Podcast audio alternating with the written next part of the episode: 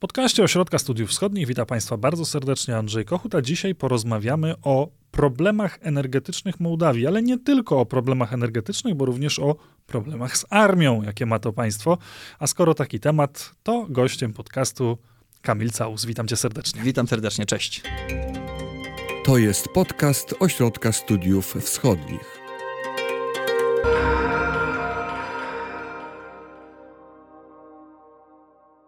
Zacznijmy od wydarzeń z ostatnich dni. Doszło do ataku rakietowego na Ukrainę, przeprowadzonego przez Rosję. Niektóre rakiety, przynajmniej tak twierdzi resort obronny Mołdawii, przeleciały nad terytorium Mołdawii. Tak, tak twierdzi nie tylko resort e, obrony Mołdawii, ale także resort obrony Rumunii, która również to potwierdziła. Obydwie służby e, podały, że nad terytorium Mołdawii, konkretnie wschodniej Mołdawii, e, przemknęły trzy e, pociski kierowane rosyjskie. E, częściowo nad, było to nad terytorium Naddniestrza, separatystycznego Naddniestrza, ale częściowo także nad terenem Mołdawii właściwej.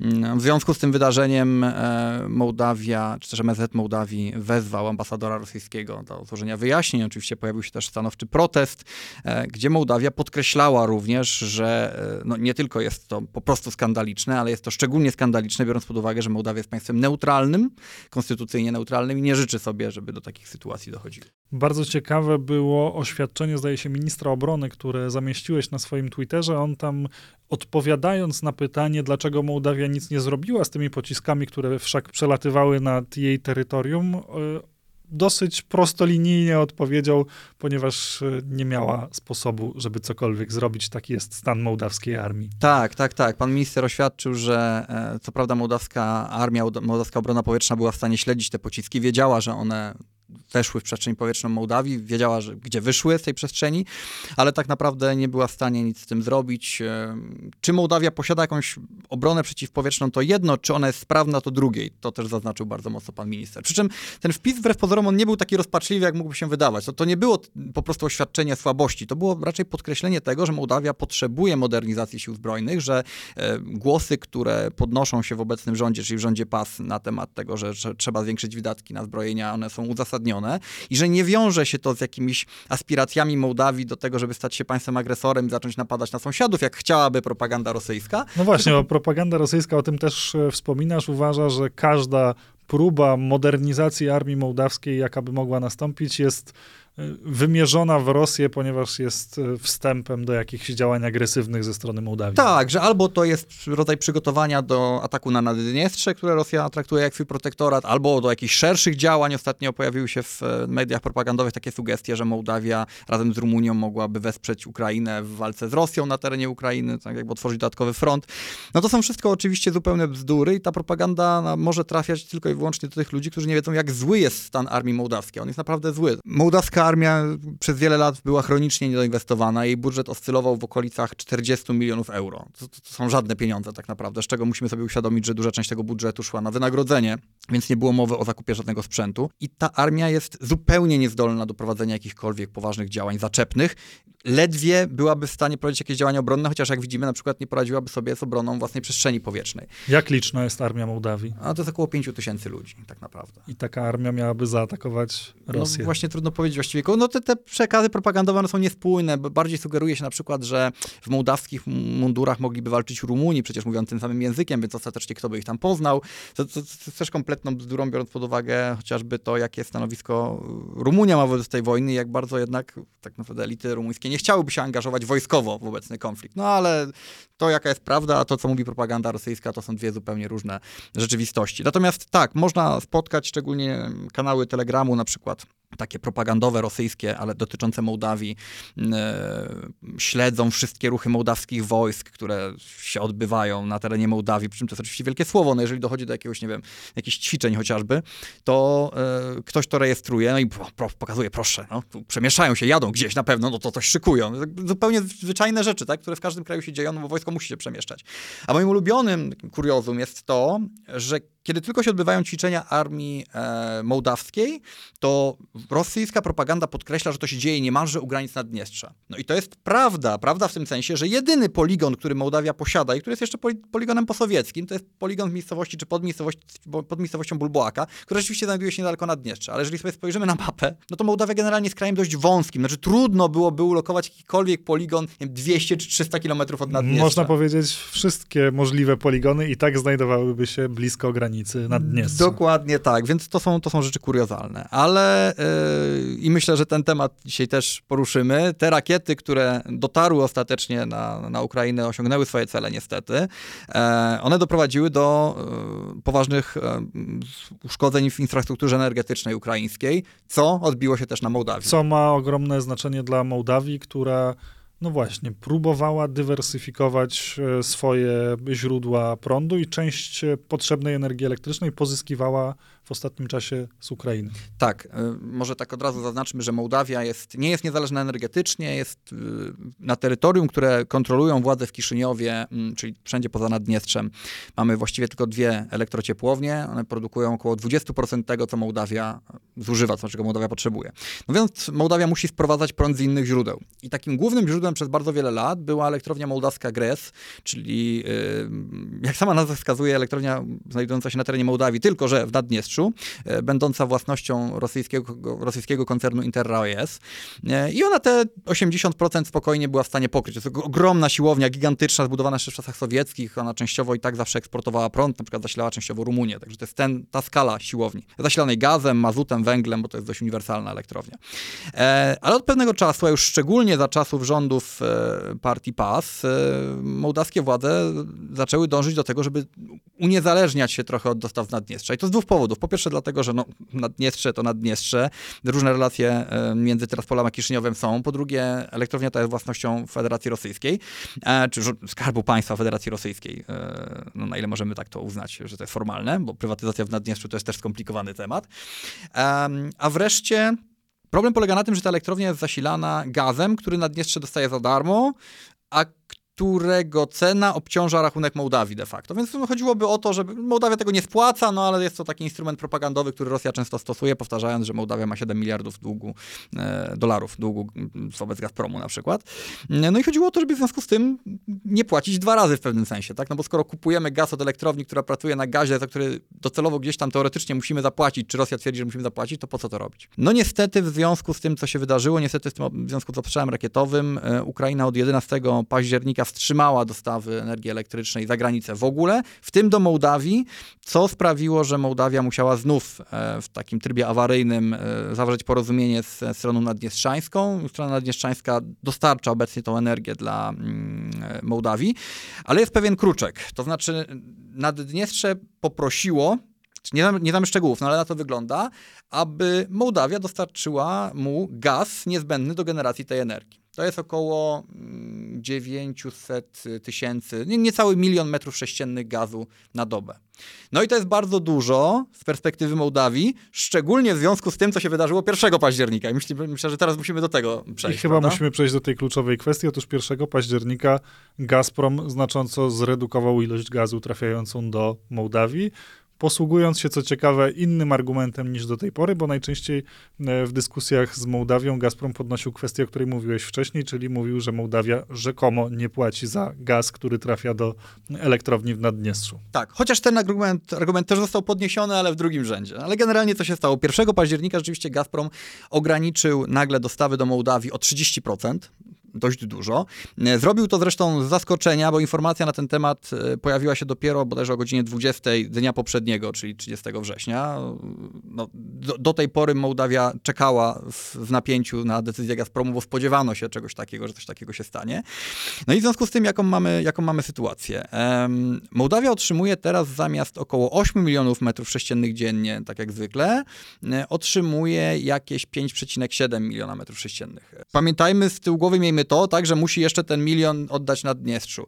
Ta ilość, którą teraz Mołdawia dostaje, to, to, nie jest jeszcze tragedia, dlatego że Mołdawianie szykowali się do takich problemów już od pewnego czasu. Poza tym ceny gazu wzrosły tak bardzo w Mołdawii, że doszło do pewnej naturalnej redukcji konsumpcji, znaczy ludzie zaczęli oszczędzać, więc ta ilość, która trafia teraz, ten wolumen, który trafia teraz do Mołdawii, on jest wystarczający, żeby pokryć potrzeby mołdawskie. E, szczególnie, że na przykład jedna z tych elektrociepłowni, o których wspominałem wcześniej, mołdawskich, przeszła właśnie na opalanie mazutem, e, co pozwoliło oszczędzić gaz, ale też doprowadziło do tego, są takie zdjęcia w internecie, że Kiszyniów wygląda jak trochę po bombardowaniu, bo unosi się nad nim taka ogromna czarna chmura dymu wydobywającego się z tej elektrowni. No, mazut jest paliwem dość energetycznym, ale straszliwie zanieczyszczającym. E, no ale takie, takie mamy takie mamy czasy. Problem może się pojawić wraz z spadkiem temperatur, do których dojdzie, bo nadchodzi zima, to będzie sprawiało, że będzie wzrastała konsumpcja i jeśli Gazprom będzie nadal utrzymywał podobne dostawy, to znaczy nadal będzie dawał tylko 70% z tego, co obiecywał, to w listopadzie i w grudniu e, ta różnica między standardową konsumpc konsumpcją, tam wtedy to jest około 12-15 e, milionów metrów sześciennych dziennie, a dostawami będzie spora, bo to będzie, powiedzmy, dostawy będą na poziomie 8-9 milionów e, po tej redukcji tak, konieczna ilość to będzie około 12-15 milionów. No to widzimy, że mamy sporą różnicę.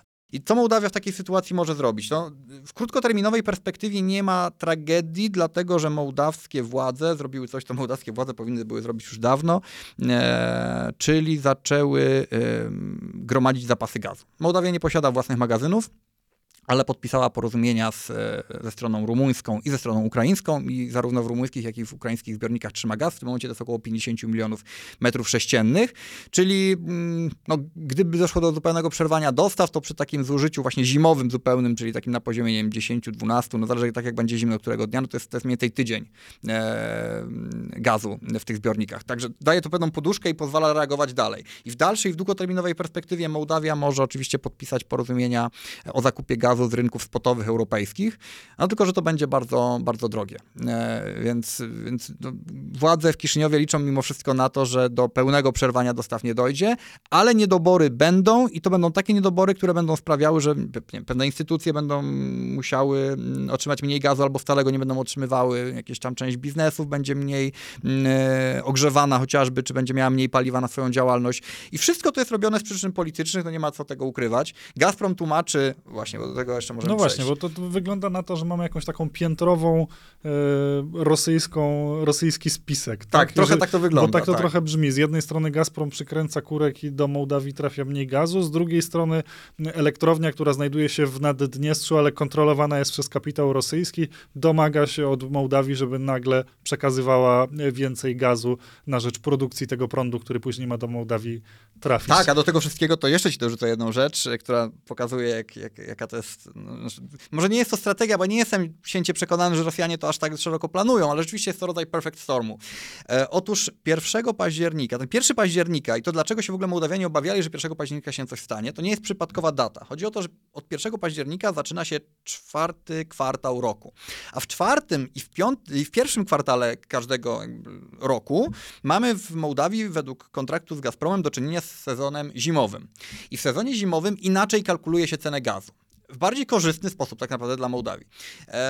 Według obowiązującego kontraktu w czasie zimowym 70% e, ceny gazu. To jest, czy jest ustalane wedle, czy w odniesieniu do cen produktów naftowych, a 30% do gazu. Gaz jest teraz drogi, tak, także lepiej kalkulować cenę gazu w odniesieniu do ropy niż do gazu. W okresie letnim, czyli w drugim, trzecim kwartale jest odwrotnie, czyli 70% ceny kalkuluje się w odniesieniu do gazu, 30% do ropy. I dlatego jeszcze we wrześniu ceny na gaz w Mołdawii, czyli ta cena, którą Mołdawia płaci za 1000 metrów sześciennych gazu Gazpromowi, to było zawrotne 1900 dolarów za ten 1000 metrów. Obecnie od 1 października ta ilość gazu jest dużo mniejsza, e, cena gazu jest dużo mniejsza, to jest około 1000 dolarów za 1000 metrów sześciennych. Czyli, Czyli blisko gdyby... połowę spada cena właśnie od 1 października Dokładnie. i dziwnym trafem właśnie wtedy Tego Gazprom ogranicza e, przesył gazu, tłumacząc to problemami z infrastrukturą ukraińską, ukraińską bo tak, tego chyba tak, nie tak, powiedzieliśmy. Tak, nie powiedzieliśmy. To jest też swoją drogą bardzo, to jest, znaczy, w pewnym sensie Gazprom ma rację, a tylko w pewnym i to jest bardzo cyniczne. Znaczy chodzi generalnie o to, że Ukraina już od maja nie wykorzystuje jednej z nitek e, systemu tranzytowego z Rosji, bo to jest nitka przebiegająca przez e, terytorium okupowane już obecnie, bo to już nie są separatystyczne republiki, tylko po aneksji po prostu terytoria okupowane, więc przez Ługańsk, no i nie kontroluje tych stacji, w związku z czym nie chce ich używać i e, proponuje Gazpromowi inne drogi, które istnieją. I Gazprom może te drogi wykorzystywać, nie ma z tym najmniejszego problemu.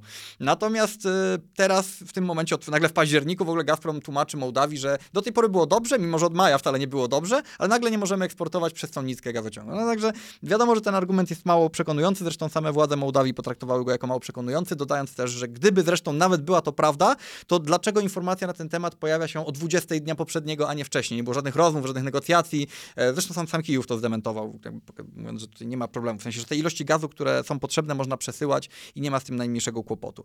Więc ten, ten pierwszy października nie jest przypadkowy, dlatego że gdyby nie zmniejszono ilości gazu, to Mołdawia, mówiąc kolokwialnie z perspektywy Gazpromu, miałaby za dobrze. To znaczy nagle by zaczęły spadać ceny gazu, a to jest zupełnie nie e, w interesie Rosji, która przez ostatnie mm, dobrych kilkanaście tygodni, tak naprawdę powiedzmy jakieś dwa miesiące, stara się tymi cenami gazu w Mołdawii grać, budując napięcie społeczne, budując niechęć wobec rządu, no, który dopuszcza do takich wysokich cen i e, wspierać jednocześnie ugrupowania polityczne, które e, wykorzystują to zniechęcenie, czy ten, ten, ten, ten takie nastroje społeczne, antyrządowe, oparte właśnie o te kwestie ekonomiczne, e, wspierając przede wszystkim partię Ilana Shora, takiego zbiegłego mołdawskiego mini-oligarchy, który mieszka w Izraelu, ale ma własną partię, a mieszka tam dlatego, że uciekł przed, po zmianie władzy w Mołdawii przed, przed tak naprawdę czekającym go wyrokiem e, za prawdopodobny udział w e, kradzieży miliarda z mołdawskiego systemu bankowego w 2014 roku. Także to są w ogóle bardzo ciekawe, bardzo ciekawe postaci. Także widzimy, że gdyby nie doszło do tego ograniczenia,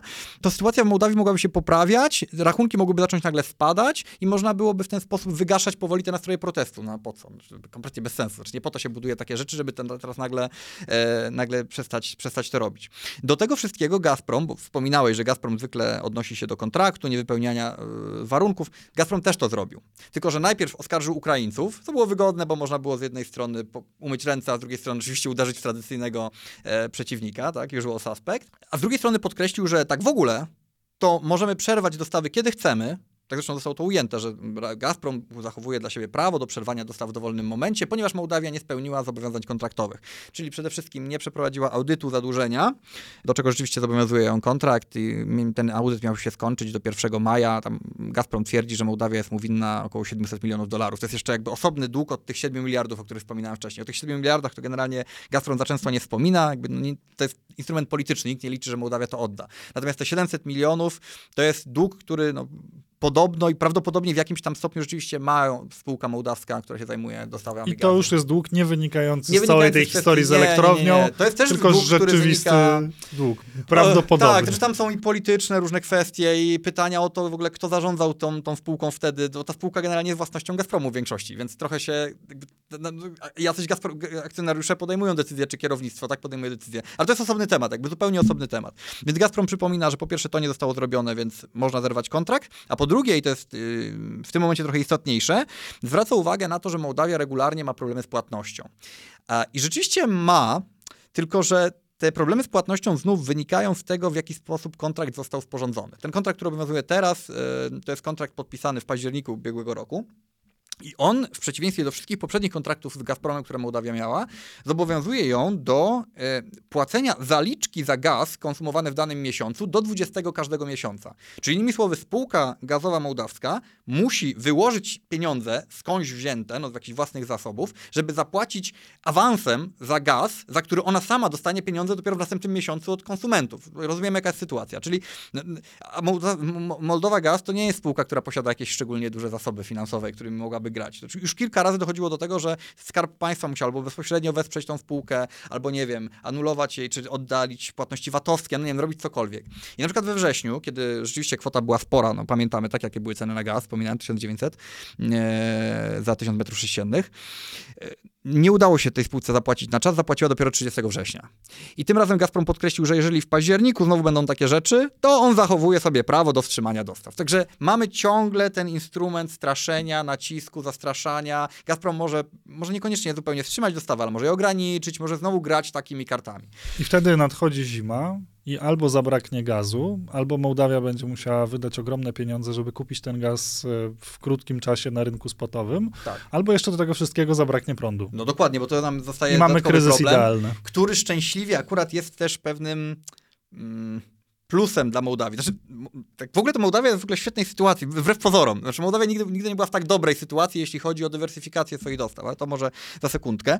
Bo rzeczywiście odcięcie dostaw gazu takie pełne oznaczałoby, że pracę e, zupełnie wstrzymałaby ta wielka elektrownia w Naddniestrzu, o której mówiliśmy wcześniej, bo ona produkuje e, prąd z gazu. No, może być awaryjnie opalana innymi, innymi surowcami, no ale generalnie pracuje przede wszystkim na gazie.